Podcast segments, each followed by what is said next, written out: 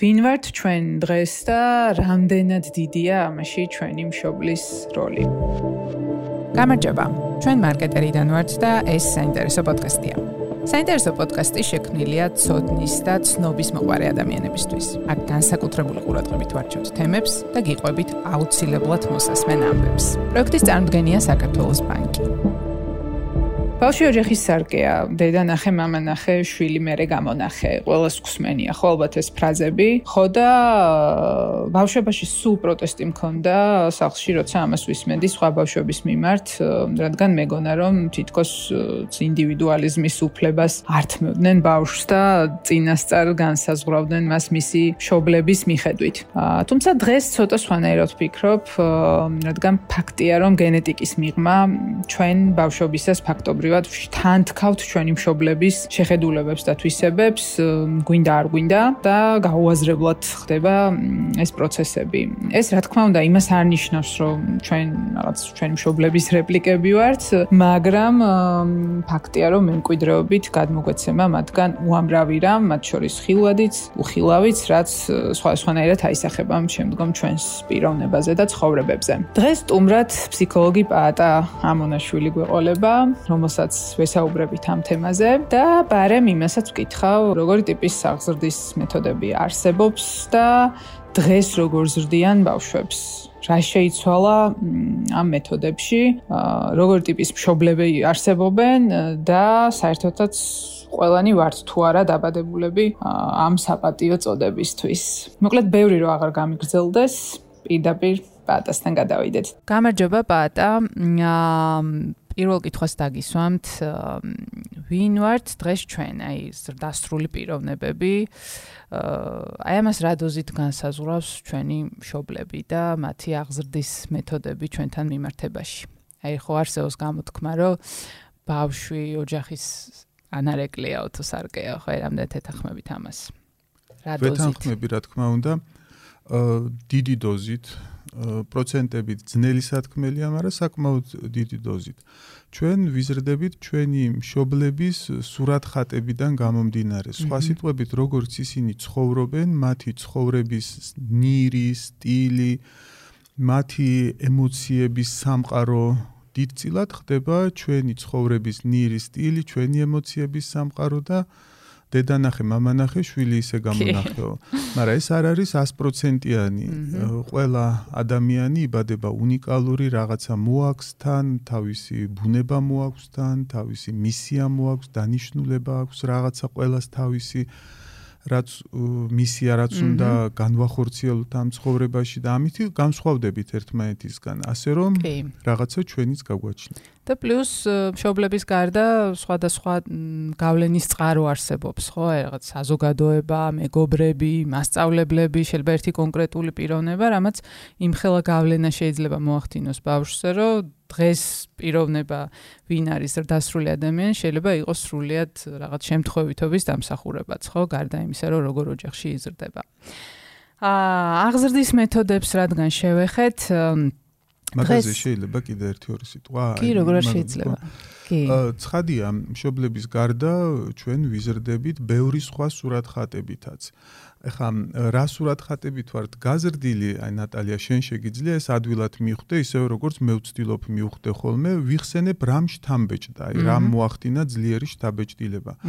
ეს ხანდახან შეიძლება სულ არ იყვნენ ახლობელი ადამიანები. აი ხა რო ლაპარაკობდი ამას გამახსენდა ერთი ძლიერი შთაბეჭდილება ბავშვობიდან ვიყავი ალბათ ესე მე-7 მე-6 კლასში რატომღაც მოვხვდით კლინიკაში თუ საავადმყოფოში არ ვიცი რა რატო იყო როგორ. და მახსოვს ერთი პალატა სადაც შემთხვევით ჩავიარეთ და იქ იწვა ავადმყოფი ბიჭი რომელიც ბევრი მილებით იყო შეერთებული რაღაც სამედიცინო აპარატებთან იმდენად შთამბეჭდა იქ მახსოვს თქვენს რომ ეს მე-9 კლასელია რომელსაც მძიმე ავადმყოფობა ჭირს და ალბათ მალე დაიღუპება და აი ეს იმდენად ძლიერი შთაბეჭდილება იყო ჩემთვის რომ რაღაცნაირად გადაიქცა ერთ-ერთ მიმართულებად რაც ძალიან საინტერესოა ჩემთვის დღეს რას ნიშნავს საერთოდ ჯანმრთელობა როგორ უნდა მიიღწეს ჯანმრთელობა, რისგან შედგება ჩვენი ჯანმრთელობა, არის თუ არა ეს მხოლოდ რას ვჭამთ, რას ვსვავთ, რას ვსუნთქავთ თუ ეს უფრო კიდევ სულიერ სამყაროსაც გულისხმობს და აი ამიტომ ეს სურათხატები საიდან რა მოხდება რთული სათქმელია. ეს მაშინვე გააცნობიერეთ თუ აი მე რაღაც დროს დროის მე მიხვდით რომ აი ეს მე-6 მე-7 კლასში არა, მაშინვე არ გამიცნობიერებია ეს ბევრად გვიან გვიან გვიან რო ვაკვირდები რომ აი ეს ძიება რას ნიშნავს ჯანმრთელობა, ხო?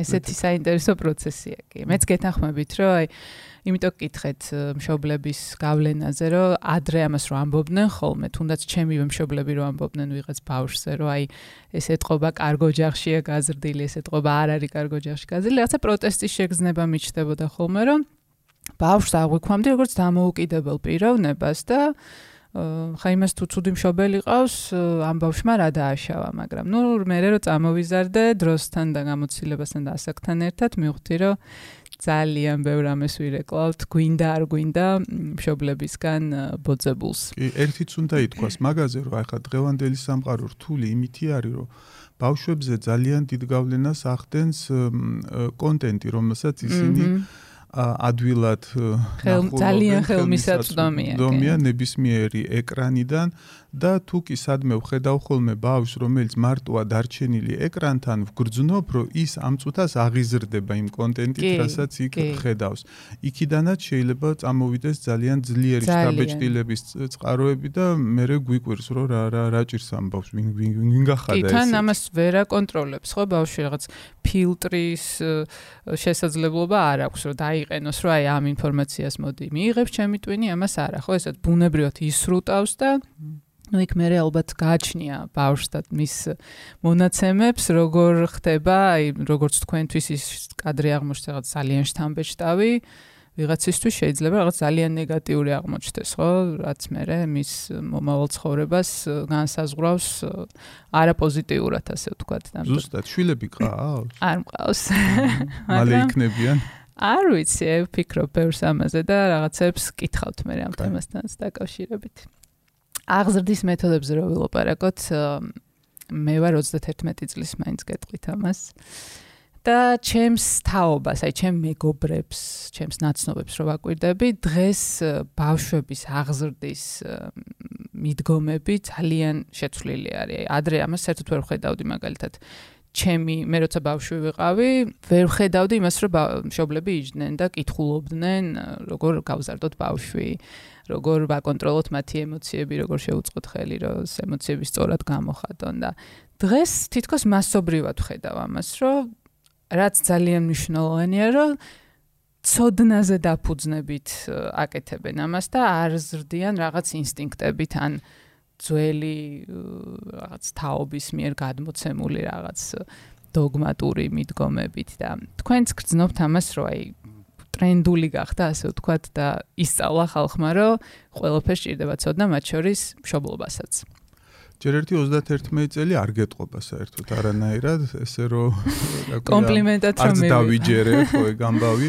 როცა მაინც დაასახელე ეგ ციფრი, ახლა წარმოვიდგინე, რომ ალბათ შენი ბავშვობა 90-იან წლებს დაემთხვა. ძალიან საინტერესო პერიოდს. კი, ისევე როგორც ჩემი შვილის ბავშვობა, ის ცოტა უფროსი არის შენზე 34 თუ ხა 97 წლიანი არის რა, შენ ალბათ 92. 91-იანი. ხო, ну ის ერთი 4 წლით უფრო.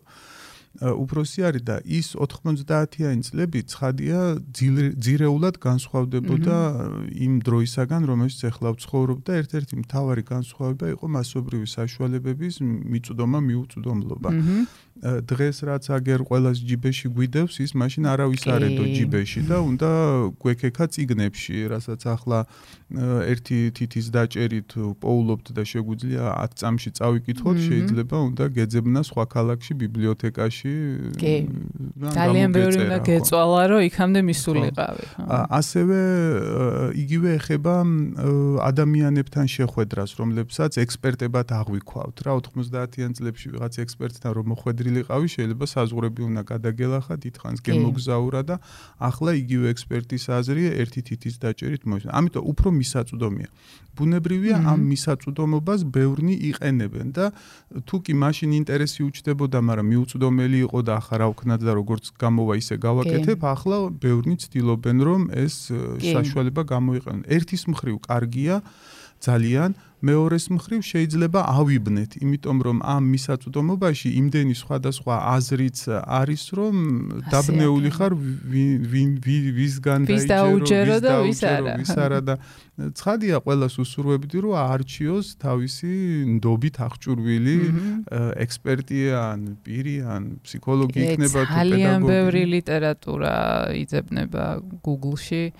მასთან დაკავშირებით როგორ აღზარდოთ ბავშვები და ალბათ ეგეც მნიშვნელოვანია რომ ვინ არის ავტორი რამდენად სანდო წყაროა ყველაფერს რომ მივაქციოთ ყურადღება. მანდაც მარტივი გამოსავალი შეიძლება მოუძებნოთ ხოლმე. კიდე იგივე ფრაზა დედა ნახე შვილი ნახეც სწორია. შეიძლება შვილი ნახო და მე დედმამას შეხედო და თუ კი პროფესორია რომელსაც თავისი კონფლიქტები აქვს შვილთან და ვერ გადაუჭრია, ალბათ ნაკლებად მოსასმენია, ხოლო ის ვის მაშვილმაც გაამართლა აშკარად და აი მოგწონს შვილი, აი წავიდეთ და იმისი აზრი მოვისმინოთ. ალბათ ის უფრო დასაჯერი იქნება.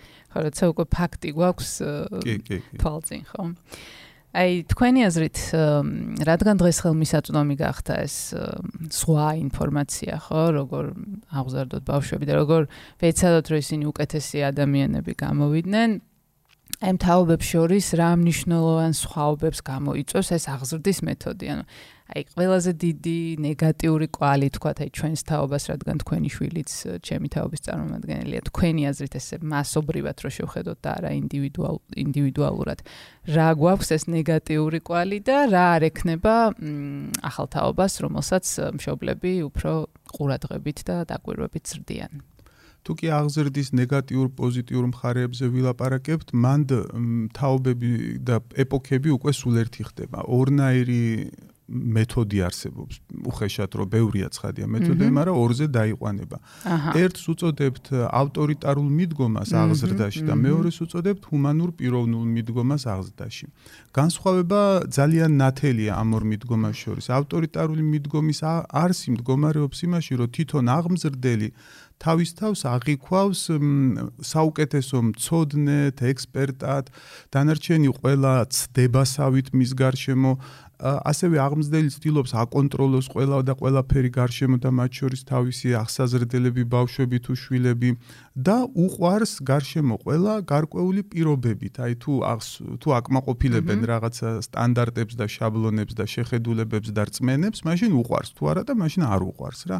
ერთი და იგივე მომენტში ასეთ ავტორიტარულ აღმზრდელს შეიძლება უყვარდეს თავისი შვილი სანამ დამჯერია, მაგრამ როგორც კი დამჯერი აღარ არის, მაშინათვე აღარ უყვარს, უყვირის, დაждჯის და ასე შემდეგ. ეს არის ავტორიტარული. ეს აღარ უყვარ შეგვიძლია ვთქვათ ესეთ ამამად, იმიტომ რომ ხო არის რომ აი შეიძლება გეჭყუბოს მშობელი, მაგრამ ამასაც თითქოს რაღაც სიყვარულს მიაწერენ, რომ იმიტომ რომ ის შენზე ზრუნავს. მე მჯერა რომ ადამიანი რომელიც გეჭყუბება, აგრესიულია შენ მიმართაც, ეგ სიყვარულზე ვერ ვისაუბრებთ, მაგრამ თქვენი აზრიც მაინტერესებს. სიყვარულს თავისი რთული განმარტება აქვს ფსიქოლოგიაში, მაგრამ მე ფსიქოლოგიის განმარტებებს უფრო არ ვეყნობი, ძალიან მოუწონს პავლე მოციქულის განსაზღვრა ფსიქოლოგიის სიყვარულისა, ხო? ქვია სიყვარულის ჰიმნი, რომელიც ერთ-ერთ მიმართვაშია რომაელების მიმართ და იქ არის ჩამოთვლილი რა არის ნამდვილი სიყვარული და რა არ არის ნამდვილი სიყვარული. ერთ-ერთი აი ამ პუნქტის თანახმად, თუ კი ადამიანი ღიზიანდება, იქ მას არ უყვარს. ცხადია, მე შეიძლება ძალიან მიყვარდე ნატალია და აღფრთოვანებული ვიყო, მაგრამ როცა გაღიზიანებული ვარ შენზე და გეჩხუბები, ცხადია იმ მომენტში სიყვარული გაქრა აი ამ განმარტებით. მეორე წუთში შეიძლება ისევ მიყვარდე. ეს არის პირობით სიყვარულის პირობითობის მთავარი პრობლემა, რომ ხან გიყვარს, ხან არა, ზოგი გიყვარს, ზოგი არა, ხო, ფრაგმენტულად, ხო. ერთ წუთას ეფერები და მაგაზე უკეთესი არ არის, მაგრამ როგორც კი სუპი გადააყირავა, უყვირი ხარ და ეჭხუბები და გაღიზიანებული. არასტაბილური ბუნება ადამიანებს. კი, კი, კი. ეს ავტორიტარული ბუნე ადამიანის ავტორიტარული შინაგანი მდგომარეობის გამოვლენების ერთი ნაწილი არის. ჰუმანური მიდგომის შემთხვევაში აღმზრდელი არ აღიქვავს თავს უფრო მეტად ვიდრე აღსაზრდელი, არამედ თანაბრა თანაბრად აღიქვავს. ცდილობს მეტი მოусმინოს, აი როგორც ამ წიგში ვის მოусმინო ვის არ, ხო? აი მოსმენის ხელოვნებას სწავლობს ყოველთვის. ცდილობს ყოველთვის გაუგოს, არ ცდილობს აკონტროლოს, არამედ პირიქით ყოველთვის გახარებული არის და აღიქვავს აღსაზრდელს როგორც უნიკალურ მოვლენას ღმერთისგან, აი ღმერთის ხატის და დარის გამოვლინებაა და სულ გიხარია რა ამ გამოვლინებასთან ურთიერთობა. და გიყვარს პირობების გარეშე.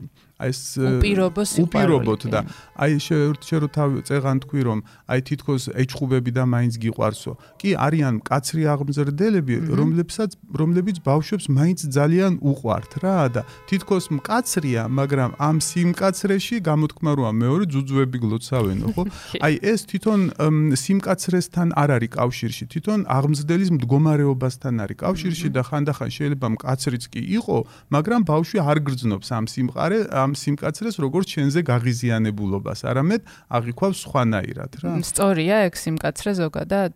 ჰუმანური პედაგოგიკა არ არის თავზე ხელების გადასმის პედაგოგიკა, ზოგიერთი ეპიზოდები არის უმკაცრესი, ასე ხო, რა თქმა უნდა, ზოგიერთი აღმზრდელობითი ეპიზოდი შეიძლება ისეთი მკაცრი იყოს, რომ გახდეს ბავშვის სინდისის გახსნის მათ რა ქვია, გასაღებად რა. მაგრამ ეს სიმკაცრე ალბათ შიშთან არ უნდა ასოცირდებოდეს, ხო? არა, ეს არასდროს არ არის შიშთან ასოცირებული. ახლა ერთი ერთი ერთ-ერთი ასეთი სურათხატი ბავშვობიდან, რაც მე მახსოვს, არის ის, როცა დედაჩემს ძალიან უზრდელურად ველაპარაკეს, მოზარდობის ასაკში ვიყავი და ჩხუბის ნაცვლად მამაჩემმა წამო გავისეირნოთ მინდაო და მითხრა რომ აი მე ერთი ქალი მყავს რომელიც სიგიჟემდე მიყვარს, ჩემ თავზე მეტად მიყვარს და უბრალოდ გახსოვდეს როგორც კაც ასე მომმართავდა რომ თუ ამ ქალს ვიღაცა აწყენინებს ხო რაღაცა ღონეს ვიხმარ რა და ეს იმდენად შთამბეჭდავი იყო. ჩემთვის ხო ეხა კაცრი ლაპარაკი იყო ძალიან რა. მაგრამ სიყვარულით გაჟღენთილი ლაპარაკი იყო თავიდან ბოლომდე და არაფერი შიში არ იყო. ეს არის შეცდომების დროს გვიჩნდება შანსი გაიხსნას ჩვენი შინაგანი სამყაროს რაღაც ნაწილი. ბავშვობაში შეცდომები დიდწილად სინდის ხსნიან ხოლმე თუ ბრძენი აღმზდელია გვერდზე და თუ კი ახლა კუთხეში გაგიშვებენ ესეთი ანეკდოტია ბავშვი მიდის კუთხეში დედა აგზავნის კუთხეში დააშავა რაღაც და ეს ბიჭი უყურებს და წავალ დედა კუთხეში მაგრამ წარმოიდგინე სიტუაცია. შენი საყვარელი შვილი დგას და შენზე ძალიან ცუდს ფიქრობს. გაწყობს აი დასჯა აქამდე მიდის ხოლმე. დასჯას ცუდი აღმზრდელობითი ეფექტი აქვს ხოლმე. ბოდი შეხა ბევრს ულაპარაკო. არა, პირიქით, ბევრი უნდა ილაპარაკო თავცილებლად, რომ ძალიან საინტერესო სწორ რაღაცებს ამბობთ. მე გეთანხმებით ჯერჯერობით ყველაფერში, იმიტომ რომ მეც ესე ვფიქრობ. პატა, მე როგორც ვიცი, რაღაცა ერთი სწორი აღზრდის მეთოდი არ არსებობს, ხო? ალბათ გააჩნია კონტექსტ, გააჩნია ბავშვს, გააჩნია მშობლს, ძალიან ბევრი ფაქტორი არის ხო ამის ჩართული, მაგრამ აი არასწორი მიდგომები, ცალსახად არასწორი მიდგომები არსებობს, ხო? აი იგივე ეს ავტორიტარული მიდგომა ახლა თქვენ რაც ახსენეთ. ეს ფაქტობრივად შეგვიძლია ვთქვათ, რომ დაუშვებელია, ხო, რომ ესე ბავშვთან მოვიქცეთ, იმიტომ რომ ეს რაც ნეგატიურ შედეგებს გამოიღებს მომავალში აუცილებლად. აი ეს ნეგატიური შედეგები რა არის? როგორ შეიძლება აისახოს ბავშვზე, როცა ზრდასრული გახდება? მაგალითები რო გითხრა.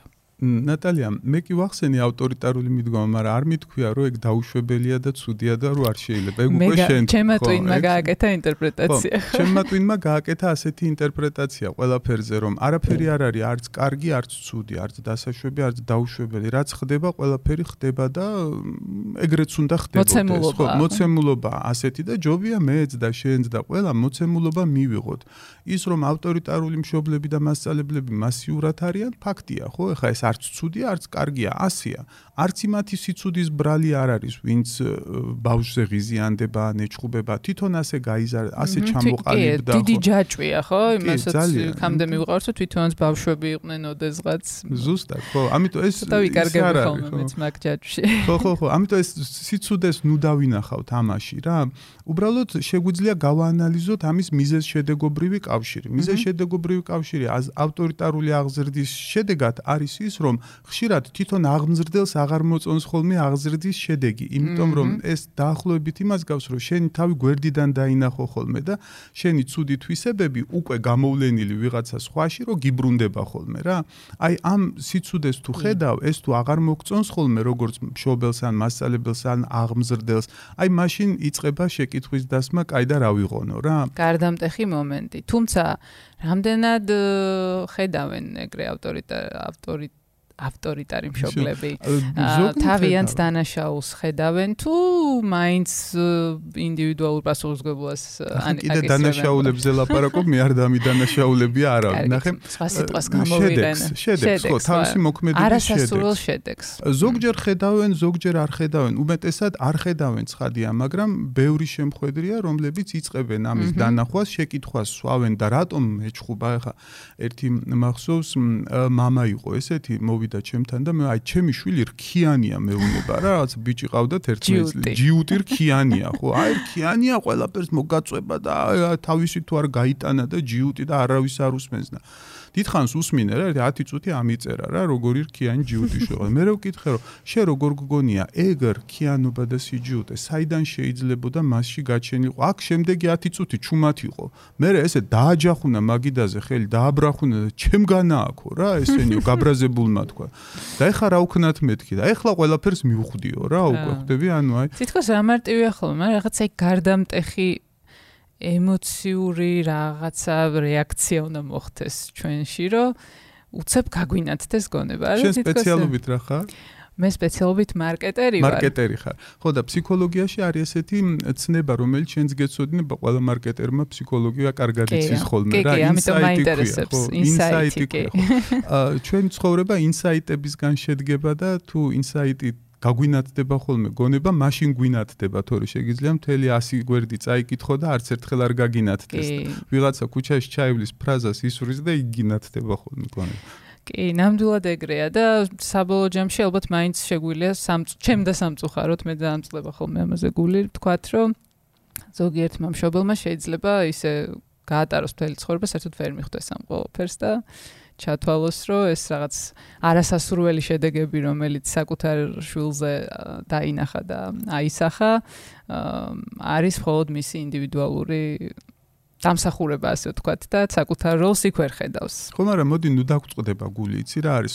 ბავშვი შემთხვევით არიბადება იმ ოჯახში, სადაც იბადება. ნუ ასე მჯერა რა, ეხლა ეს არ არის დამტკიცებული და ამის ექსპერიმენტს ვერავინ ვერ ჩაატარებს, მაგრამ სადაც ჩვენ დავიბადეთ, იქ გვინდოდა რომ დავბადებულიყავით. ჩვენ გვინდოდა რომ დავბადებულიყავით. ხო, დაახლოებით უხეშად რო ვთქვათ რა, ესეთნაირ გვინდოდა, ხო? ანუ ჩვენ მშობლებთან მოვედით გამიზნულად. ისეთები გვჭირდებიან, როგორებიც არიან და თუ გვერდიდან ჩანს, რომ მშობელი ძალიან სასტიკია, ცუდად ექცევა, უყვირის, ან თუ გვერდიდან ჩანს, რომ ძალიან უყვარს და ზედმე ცეფერება, ხო, ეს ყველაფერი გვჭირდებოდა, ჭირდებათ იმ ბავშვებს, რომლებიც იქ არიან მშობლებთან. ამიტომ ერთადერთი გრძნობა რაც შეიძლება ჩვენ მშობლებთან გქონდეს ეს არის მადლიერების განცდა რომ ისინი საერთოდ არიან და რომ ჩვენ ჩვენც ვარსებობთ. რომ ჩვენც ვარსებობთ რომ ისინი ჩვენ გვერდით არიან ისეთები როგორებიც არიან და სხვა შორის ეს მადლიერების განცდა მშობლებს უკეთესად უკეთეს უკეთესები ხდებიან ამის. თქვენ ძალიან გეტყობათ რომ ჰუმანური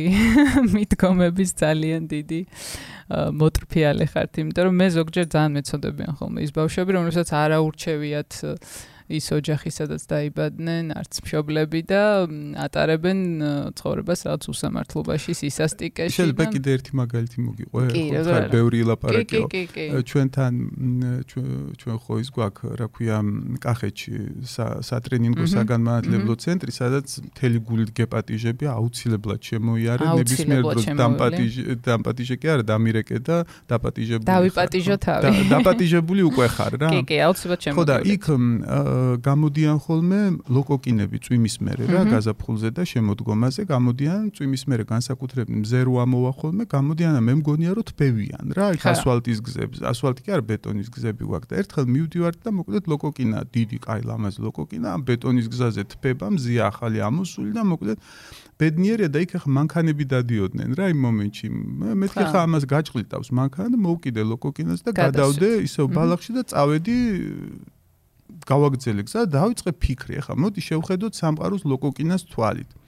ლოკოკინა უკვე кайხანი ილტვოდა ამ თბილი გზისკენ წარმოიდგინე. გადალახა დიდი გზა, ბევრი იწვალა, ცუდად იყო ბევრი პრობლემა გადანახა, ახლა მოაღწია ამ არის კომფორტში, კომფორტის ზონაში როგორც იტყვიან, ძალიან კარგად თბილა და ჩამოიარა რაღაცა არსებამ, რომელიც მასზე ბევრად დიდია, ბევრად შორს ხედავს და გადააგდო ისევ რაღაცა. და ბევრად მეტი იცის. ბევრად მეტი იცის კიდევაც და გადასვა იქ.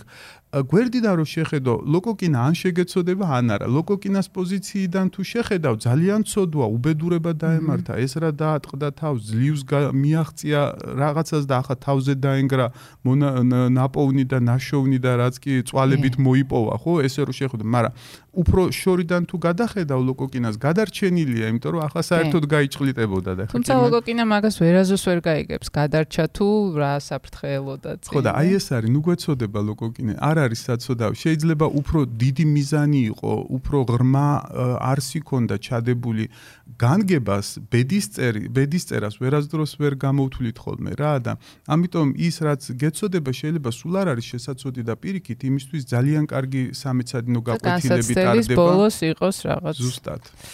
ძალიან კარგი. ხო აი ყოველთვის ეგრე არ ხდება უბრალოდ ჩემი დაკვირვებით თორე ისე მაგაში ძალიან გეთანხმებით რომ შეიძლება ამ ტანჯვამ და რაღაც ექსტრემალურ პირობებში ყოფამ პირიქით დაბადოს მე ჩვენში ვარსკვლავი როგორც ნიჩე იტყოდა და ძალიან კარგი შედეგი მივიღოთ. თუმცა შეიძლება პირიქით მოხდეს და ძალიან დაიჩაგროს ადამიანი ამიტომ ესე ფორმულა არ არსებობს. ეს ავტორიტარი მშობლები, ავტორიტარული მშობლები რომ ვახსენეთ. თქვენი აზრით ამის ცვლილება შეუძლებელია, ხო? ანუ ან არის ადამიანი ეგეთი, ან არ არის. ამ შეიძლება გახდეს, როცა თქვა მშობელი გახდება, მანამდე არ ყოფილიყო, იმიტომ რომ რაღაც შიშებმა შეაწუხოს ან არ ვიცი, რაზე არის ხოლმე დაფუძნებული ეს ტიპი როგორ განისაზღვრება მშობლის, როგორი ტიპია? დაფუძნებული არის რა გუჯერა იმაზეა დაფუძნებული რა. ანუ როგორ გუჯერა სწორი რა არის არასწორი რა არის კარგი ცუდი რა არის ლამაზი უშნო რა არის. აი ეს რაც გუჯერა ეს ჩვენი რწმენები შემდეგ ვლინდება ურთიერთობებში. აღზრდა ურთიერთობების ერთ-ერთი ფორმაა მეტი არაფერი. ამიტომ რა ურთიერთობებსაც ვამყარებთ ჩვენი შინაგანი სამყაროს გამოვლინება. ამისი ცვლილება, რა თქმა უნდა, შეიძლება კი არა და მინახია უამრავი შემთხვევა, როცა ეს ხდება. მინახია შემთხვევები, სადაც არ ხდება. მოხდება მხოლოდ იმ შემთხვევაში თუ ჩნდება ხოლმე ჩემი ხო სურვილიც ცოტა აი ძლიერი მისწრაფება უნდა გაჩნდეს აი ძალიან უნდა მომინდეს. თან მომინდეს არა მხოლოდ გაცნობიერებულად არამედ რაღაც არაცნობიერის ნაწილებში უნდა მინდოდეს რომ აი ეს ეს მე ძალიან მჭირდება არ ვიცი კიდევაც რატომ მჭირდება. აი თუ ეს მისწრაფება ჩნდება მე შესაძლებელია რომ მოხდეს მაგრამ მისწრაფების გარეშე ვიღაცეები დავიჭიროთ და ახლა უკეთესები გვინდა გაგხადოთ ასე კარგს არაფერს არ ვღებულობთ. და აი ესეთი ტიპის ადამიანები მარტო მშობლობაში არ გამოიხატება, ხო ეს მათი ავტორიტარიზმი, ანუ ალბათ ჩვეულებრივ ურთიერთობებშიც მეგობრებთან, პარტნიორებთან, თუ რა ვიცი, მოსწავლეებთან თუ მასწავლებლებს, ალბათ ყველა ყველა ასპექტში შეიძლება რომ გამოვლინდეს, ხო ეს ცხადია, ცხადია, ა ჰუმანური ან ავტორიტარული მეთოდები არის მხოლოდ გამოულინება ჩვენი შინაგანი მდგომარეობის. და ჩემი შინაგანი მდგომარეობა შენზეც აისახება და ჩემ შვილზეც და ცოლზეც და ყველაზე იქნება ასახული და არა მარტო ადამიანებზე, არამედ ცხოვრებისეულ მოვლენებზე, ყველაფერზე იქნება ასახული და თუ იცვლება ეს მდგომარეობა, ასევე იცვლება არა მხოლოდ ბავშვებთან მიმართებაში, არამედ ყველაფერთან. აი რა წარმოვიდგინოთ, რომ აი როცა ადამიანი ბევრ ციგნს კითხულობს, ხო, სწორ ციგნებს აა და სანდო წყაროებს თან როცა აქვს ხო ინტერაქცია. თან ბევრ რამე იცვლება ხო ჩვენ გონებაში და აი ხა რო წარმოვიდგინოთ, რომ წინასწარ ადამიანები სკოლაში რო სწავლობდნენ ან კლასგარეშე ლიტერატურა რო იყოს საკითხავი, ბავშვის აღზრდის მეთოდი. აი ამ ინფორმაციას რო იღებდნენ, სანამ შობლები გახდებიან. შესაძლებელია რომ ამან უზრუნველყოს ის, რომ აი თუ არის მათში ეს მოდი მე მაინც არასწორ მიდგომას დავარქმევ ავტორიტარ ავტორიტარული მიდგომები. თავიდანვე შეიცვალოს ეს ინფო ცოდნაზე დაფუძნებით, რომ რაღაც ცვლილებები მოხდეს ადამიანში. შესაძლებელია ხო? ხადია, როგორ არ არის სკოლაში ეს ახლა ნახე, რაღაცა პროფესია, ახლა მარკეტ მარკეტერი რო გამხდარიყავ, ალბათ ისწავლე რამდენიმე წელი, ხო? ალბათ რაღაცა დისერტაცია დაიცავი თუ რაღაცა მაგისტრატურა რაღაცეები დაიცავი, ხო? ახლა დედა გახდები, ხო? მედი მაქვს რომ მალე მოხდება ლამაზი შვილები გეყოლება, წარმოიდგინე როგორ გაახარებენ სამყაროს და შენს გაგახარებენ. დედობა ისეთივე პროფესია როგორც მარკეტერობა. მამობაც ისეთივე პროფესია, მაგრამ ხო, მაგრამ ამ პროფესიას არავინ არ სწავლობს, მაგისტრატურებს, სამაგისტროებს არ წერენ, წლობით დროს ამაში არ ხარჯავენ და გამოდის რომ უმეტესობა დედების და მამების არიან მოყვარული დედები და მამები, ისეთ საშუალოზე დაბალ დონეზე. თუ ეს სადღაცა ვიღაცა ამის სწავლას იწყებს, ახლა შენ შენიშნე რომ ბევრნი იწყებენ ამის სწავლას, ეძებენ ინფორმაციას, რაღაცა სკოლებში ეწერებიან, დედის და მამის დიპლომებსაც კი გავცემდით, სანამ ქორწი დაქორწინდება, აი რატო არ უნდა იყოს, პროფესიონალი დედა, პროფესიონალი მამა და ეს ბავშვებისთვის მხოლოდ სასიკეთოა. კი, ანუ არსებობს გზა, რომ რაღაც უკეთესი იყოს სამყარო და საზოგადოება და ადამიანები უკეთესი ვიყოთ, ხო? და ბავშვობის ტრამვები ისე არ გვაწუხებდეს როგორც ახლა გვაწუხებს. აი მაინც რა გგონიათ რომ ქართული საზოგადოების ყველაზე დიდი კვალი რა არის აი რა ნეგატიურ კონტექსტში რა გამოიხატება ყველაზე მეტად ჩვენი მშობლების ტრამვებისგან მიღებული გამოცდილებებით აი ვერ მივხვდი კითხვას. აი ცოტა რაღაც აგრესიულები რო ვართ, აა დაძაბულები რო ვართ. აი რაც მოცემულობაც არის ხა ქვეყანაში. ქუჩაში რო გაივლი, რა იმდენ ცუდ რამეს ნახავ რომ მე პირადად ვითრგუნები ხოლმე. ემოციებს გულისხმობ? ხო, აი რაღაც დაძაბული ენერგეტიკა აქვთ ადამიანებს, ხო ეს მესმის რომ ძალიან ბევრი სხვა ფაქტორიც განსაზღვრავს ამას, მაგრამ აი მშობლებისგან რა ნეგატიურ კვალს ვატარებთ, ასე ვთქვათ. იცი რა ხდება? აი უსიყვარულობა ხო არ იყო უფრო მიზეზი, უსიყვარულობაში ხო არ არის უფრო გაზრდილი ქართული საზოგადოება თუ აი დიდი რაღაცები რა არის? ემოციები, ჩვენი ემოციები, შენი, ჩემი, ყველა ადამიანისა აღიზრდება ჩვენში და ყალიბდება ისეთ ადრეულ პერიოდში, რომ აი გასაოცარია. 6-7 თვის ასაკში არის პიკი, როცა ჩვენ ემოციებს ვიწოვთ და ვსწავლობთ და ეს ემოციებს ვითვისებთ და ემოციური სამყარო ჩვენი ჩამოყალიბდა 1 წლამდე პერიოდში. და ამას არავინ არ გვასწავლიდა მაშინ ემოცია არც ფიქრობდნენ ხალხი ჩვენს გარშემო არც ფიქრობდა რომ ჩვენ რამე ემოციებს ვითვისებთ. დადიოდნენ და მარტო იყვნენ ამ თავის ემოციურ სამყაროში რომელიც გადმოგვედოსავით რა. აი ის რაც მაშინ ჩვენ გადმოგვედო ეხლა ქუჩებშია რაც ეხლა ქუჩებშია ისედებათ უკვე მომავალ ბავშვებს და ეს წრეზე ივლის რა თქმა უნდა ყოველთვის არ ამგონია რომ შეუქცევადი პროცესი ნუ აი არა რომ ვერ წარმომიდგენი ხა მასიურად ემოციები როგორ შეიძლება შეიცვალოს, იმიტომ რომ მაშინ წარმოიდგინე მასიურად უნდა ყველა ადამიანს მისწრაფება გაუჩნდეს, რომ აი ხა მე მინდა ჩემი, იმიტომ რომ ემოციური სამყაროს შეცვლაზე ძნელი ალბათ არაფერი არ არის. და აი რა გადმოგვედო თქვენი აზრით? Ну, ახლა შენ სხვა რამეები გადმოგედო, მე სხვა რამეები, ყველას თავისებურად. გრასაც ქუჩაში ხედავ ის გადმოგვედო, ახლა მეტი რა გადმოგვედო, ხო იცი?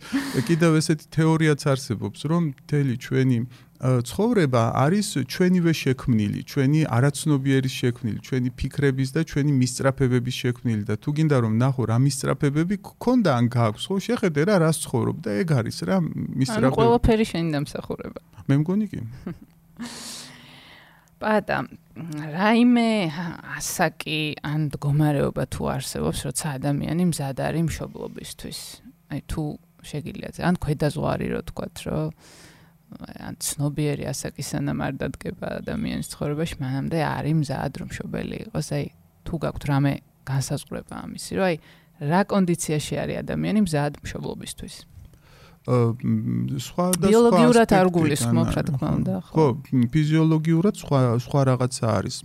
ფსიქოლოგიურადაც სხვა არის და ფსიქოლოგიურად მაინტერესებს. ხო, ფსიქოლოგიურად ინდივიდუალური არის ესეც, მე ვფიქრობ სადღაცა 20 წლის ასაკის შემდეგ უკვე პრინციპში თუ ყველაფერი კარგად იყო აღზრდაც და განვითარება ყველაფერი ყველა ადამიანი მზად არის მამობისთვისაც და დედობისთვისაც ზოგი ახლა უფრო ბრძენი мама დედა იქნება ზოგი ნაკლებად მაგრამ ნუ ეს მზადყოფნა წესით არის თუ არ არის მაშინ რაღაც ინფანტილური მდგომარეობა უნდა იყოს რა და თან მეორე მომენტი არის რომ თვითონ ჩვენ როგორც ადამიანები movie.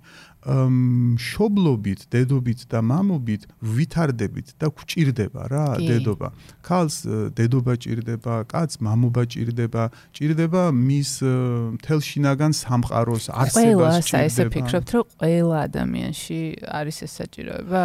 ბუნე ბუნებრიობიდან გამომდინარე ყველაში არის პოტენციურად იმთავითვე, თუმცა შეიძლება აღზრდამ შემდეგ ეს შეცვალოს, თუმცა შეიძლება საზოგადოებრივ საზოგადოებამ მე სხვა რაღაცას სტანდარტები შემოგთავაზოს და ისიც მოგვეწონოს, თქვა ერთ-ერთი ესეთი მიდგომაა, რომ მოდი ჯერ კარიერულ წარმატებას მიაღწიე, მოდი ჯერ ფული შო, მოდი ჯერ ისიამოვნე ცხოვრებით, შედეგი და ცხოვრებითაც ისიამოვნე და სადღაც მე 40-50 წლის ასაკში ჰა გააგორე ერთი ბავში მოვალეობაა მაინც რაღაცნაირად. ან 35 წლის ასაკში. ნუ არ გეტყობა თქო. ხო და ეს თქვენ ანუ არ ეთანხმებით ხო ამას ცოტა ზრდასრულ ასაკში გერდა ზრდასრული არ სწორია ცოტა მერე როცა ამ ყველაფერს გაივლის ადამიანი კარიერასაც მოითავებს ფინანსურადაც რაღაც მყარად იქნება და გააზრებულად მიიღებს გადაწყვეტილებას რომ მოდი ახლა შვილსაც ვიყოლებ. ნატალია შეხედი არაფერი არ არის რასაც არც ვეთანხმები არც არ ვეთანხმები. ზართულია ეს საუბარი. არა რატო არ თული ნახე ბევრად უფრო მარტივია ყველას თავისი გზა აქვს. ვიღაცა ესე ხედავს ვიღაცა სულების გამოწვევა ხო შეს აი რაღაც არჩევანს ხო ვაკეთებთ ცხოვრებაში რაღაცაზე დაფუძნებით. თუ მე ახალგაზრდა მკითხავს რჩევას ცხადია ვეტყვი რაც თქვი. დაახლოებით 20 წლის ასაკის შემდეგ იფიქრი ამაზე. პატა რადგან ეს ვახსენეთ რომ რამდენად ყველა ადამიანი არის დაბადებული იმისთვის რომ შობელი გახდეს? ჩემი დაკვირვებით მიგრძნია რომ ეს ზოგ ადამიანში განსაკუთრებით ქალებში მეტად არის ეს ინსტინქტები დედური ასე ვთქვათ და მიდრეკილია მეტად რომ აი რომ შეხედავ და რომ იტყვა აი ამას დედობა როგორ დაამშვენებდათ. ზოგში ნაკლებად აი რა იწოს ამას და რა განაპირობებს ამას? რამდენად ბუნებრივია ეს და რა შეიძლება იყოს ამის მიზეზი? აა მე ჩემ თავზე მაგალითად მგონია რომ ნაკლებად მაქვს ეს ინსტინქტები მშობლური. ოღონდ ამაზე არც მიმუშავე, არც მიფიქრია, თითქოს ბუნებრივი მოცემულობა არის ეს და საინტერესოა მაგაზე თქვენი. ხო, აი ჩემი დისშვილი ერთ-ერთი ანა დავითინიძე. 6 შვილის დედა არის, ну შენზე ახალგაზრდა არის ის ცოტათი.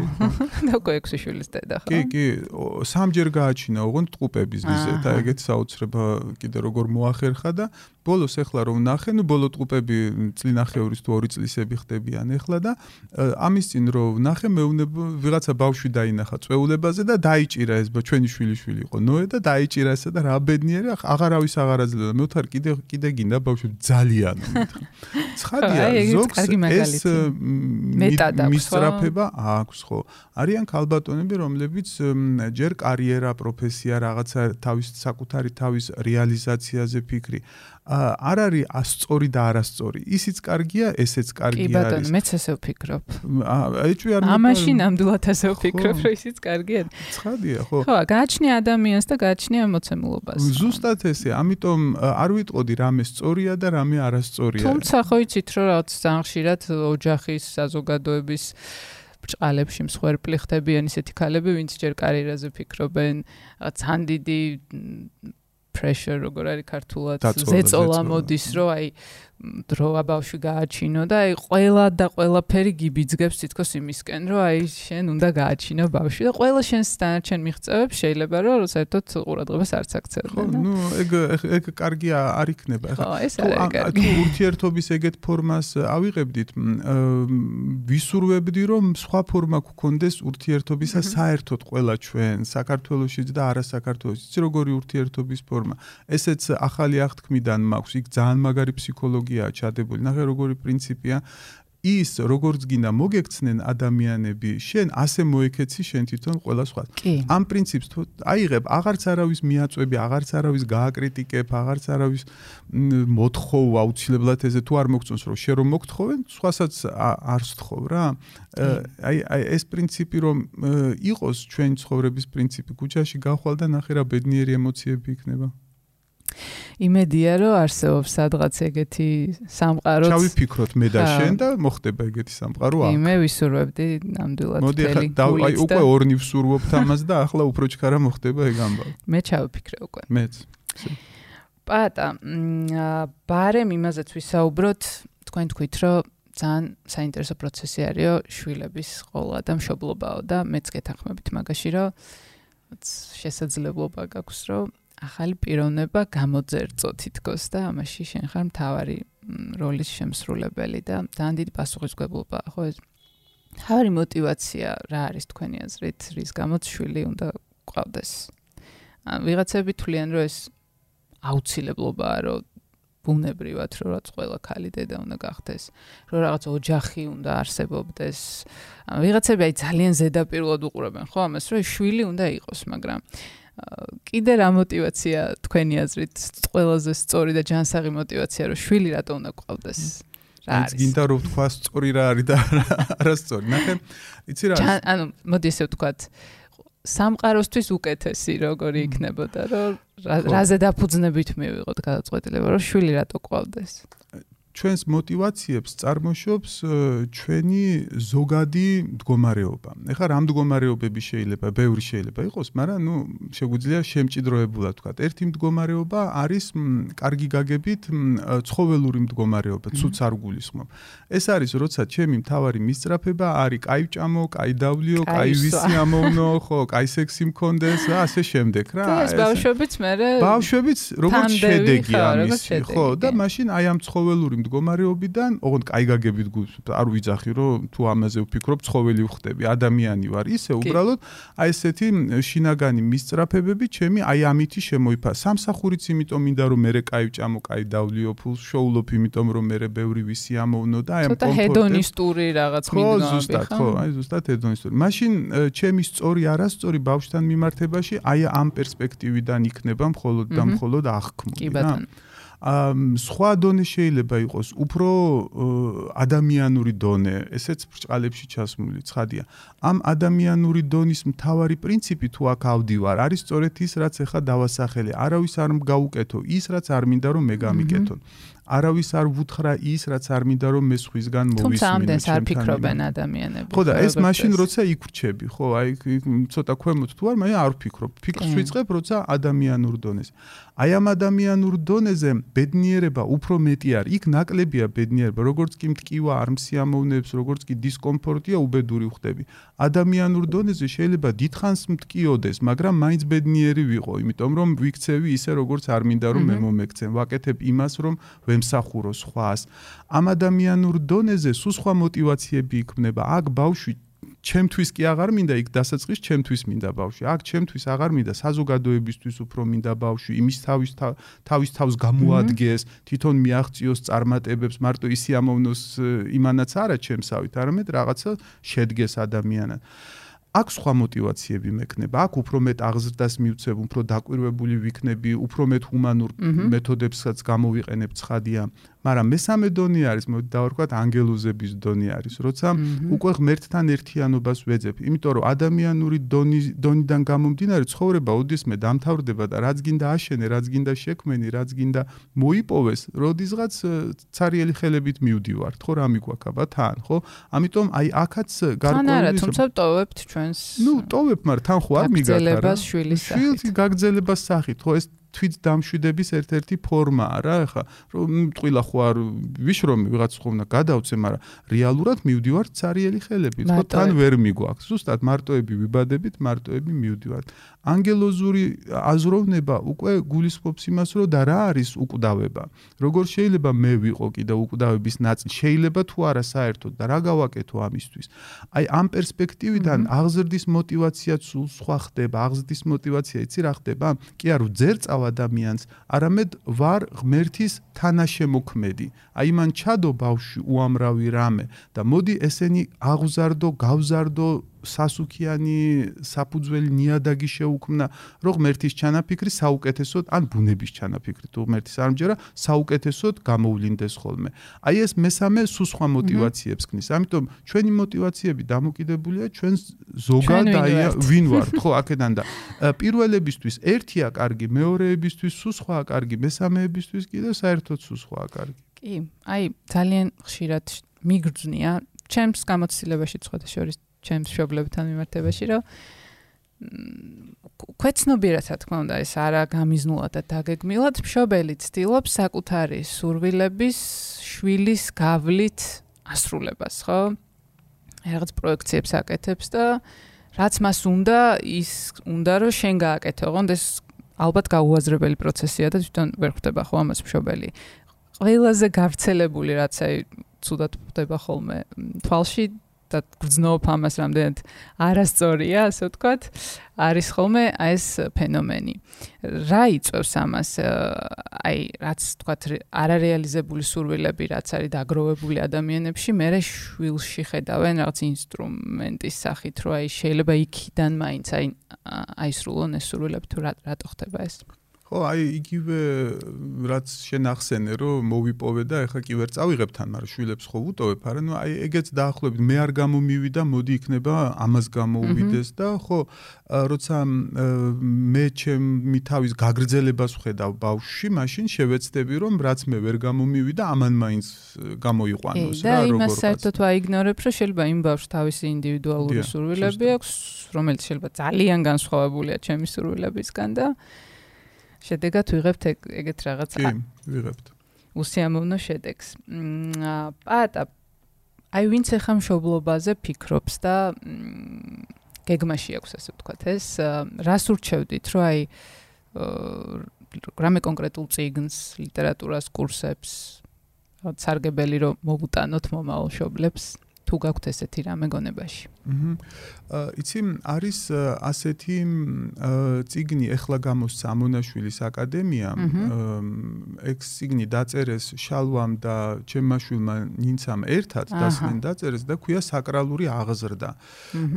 ციგნის თუ ციგს არ წავიკითხავთ აზრს ციგნისას ეხავე ჩამოვაყალიბებ. აზრი იმაში მდგომარეობს რომ სანამ ჩვენ უშუალოდ გავაჩენთ ჩვენ შვილებს ან დავკავდებით ამ საქმით, ხო? ჩვენ მათ მომავალს უკვე ვდებთ ბევრად ადრე. ანუ არსებობს ასეთი ცნება პრენატალური აღზრდისა, როცა აი დედა ორსულად არის და უკვე ზრდის ბარს, მაგრამ არსებობს კიდევ პრეპრენატალური აღზრდის ცნება. რეალურად ჩვენ ჩვენი შვილების აღზრდით დაკავებული ვართ სანამ ისინი ჩაისახებიან მანამდე. ჩვენი ფიქრი როგორი იქნება, ჩვენი ფიქრი რას მიუცემთ, ჩვენი ფიქრი რას მოიტანს, უკვე დევს მათში. ზრდის ხო ზრდის რაღაცა სულს რომელიც დადის და ეძებს. ან თუ სულების არ გჯერა უკვე ქმნის იმ არეალ იმ ესე ვთქვათ ემოციურ სამყაროს რომელშიც მე უკვე აღიზრდება ბავშვი. აი ვურჩევდი აი ამაზე დაფიქრებას დასაგებია. ძალიან დიდი მადლობა პატა ესეც საინტერესო საუბრისთვის. დიდი მადლობა დროის გამოყოფისთვის და შევხვდებით კახეთში. დიდი მადლობა, აი ეს 1 საათი თუ რამდენი საუბრობ, მინდა გითხრა, ძალიან კარგი გაკვეთილი მივიღე მარკეტერობისა შენგან და კი, კი, აბარა, გაკვირდებოდი და ვსწავლობდი და აღფრთოვანებას ვერ მალავ დიდ წარმატებებს გისურვებ. ძალიან მიხარი, ასევე ბევრი წარმატება თქვენც. მადლობა. თქვენ უსმენთ საინტერესო პოდკასტს. პროექტის წარმოდგენია საქართველოს ბანკი.